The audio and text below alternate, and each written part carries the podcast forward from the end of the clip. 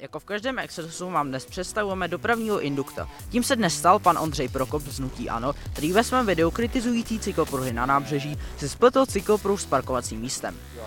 Ten cyklopruh je tady namalovaný na úkor parkovacích stání, které tady byly. To byly stovky parkovacích stání, kde bylo možné zaparkovat a právě třeba jít na ty brusle nebo na kolo.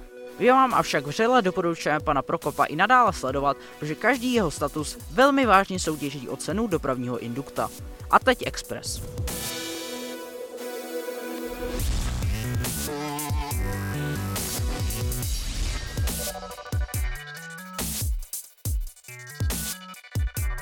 Poprvé v historii vybere Středočeský kraj autobusové dopravce v otevřené soutěži. Společně s Prahou vypíše 8 soutěží na provoz autobusových linek.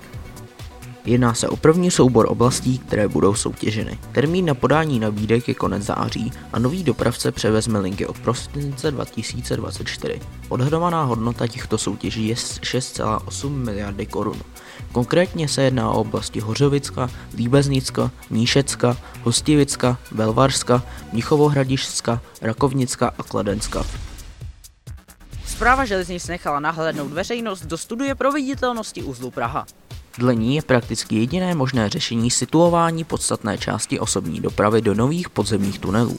Ve hře jsou tři varianty. Dle první by v tunelech jezdily městské a příměstské vlaky, druhá počítá s použitím pro dálkové vlaky a třetí pro vysokorychlostní vlaky. Město i zpracovatele studie vidí jako nejpravděpodobnější variantu s vedením městských a příměstských vlaků v podzemí, která má zároveň nejvíce polohových variant. Výstavu lze předpokládat přibližně do roku 2050 a vlaky linek S by měly jezdit přibližně v 7,5 minutovém intervalu. V červnu zavedlo Německo celostátní měsíční jízdenku za 9 euro na měsíc.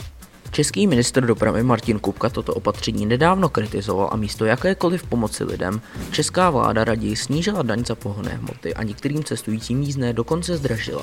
Ovšem levné jízdenky v Německu mají jiný efekt než je zvýšení mobility nebo úspora peněz cestujících.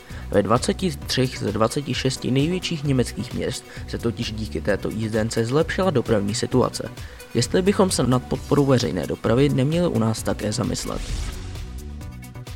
Architektonická soutěž na lanovku z Podbaby do Blohnic má již pět finalistů. Jejich úkolem nyní bude zpracovat a předložit návrh všech tří stanic a pěti podběr plánované lanovky.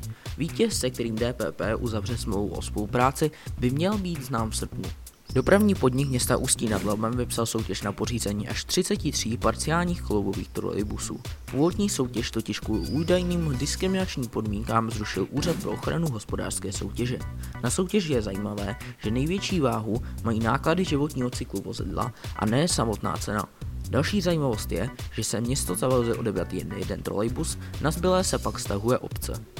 Britská společnost Bankset přišla se zajímavým nápadem. V Německu začala testovat výrobu elektřiny ze solárních panelů umístěných na pražských železničních tratí. Jedná se o poměrně elegantní využití jinak nevyužitých ploch. Pokud by se podařilo těmito panely osadit celou železniční síť v Německu, dodávali by do sítě ekvivalentní energii jako pět jaderných elektráren. Po architramvaji dostalo Centrum architektury a městského plánování další vozidlo ve svých barvách, a to konkrétně sdílené kolo. Společnost Rekola totiž připravila archikolo, které potkáte v pražských ulicích.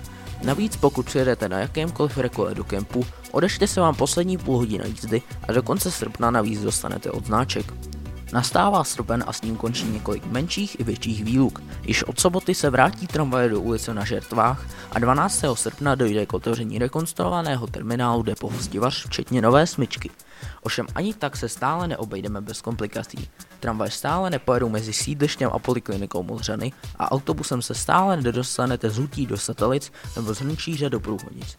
Nejzajímavější výluky nás ovšem čekají za Prahou, a to na Strančicku, Dětenicku a Kokořínsku, kde vzhledem k opravám silnic jsou zavedeny náhradní autobusové linky, které buď projíždí po zajímavých trasách, či jsou zajišťovány dopravci, kteří zatím v systému PIT nejezdili.